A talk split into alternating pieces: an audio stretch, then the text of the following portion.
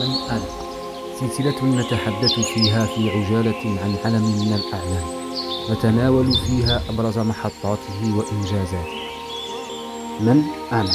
أنا جمال الدين عبد الله بن محمد المسيدي من أهل مسيلة المكنى أبو محمد يصفني ابن فرحون بالإمام العلامة الأوحد البارع المتفنن من كبار فقهاء المالكية صاحب المصنفات البديعة والعلوم الرفيعة تصانيفه في غاية الجودة والإفادة والتنقيح.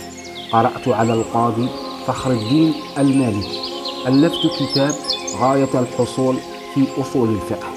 تجدون ترجمتي في الدباج المذهب في معرفة أعيان علماء المذهب لابن فرحون وحسن المحاضرة في تاريخ مصر والقاهرة للسيوطي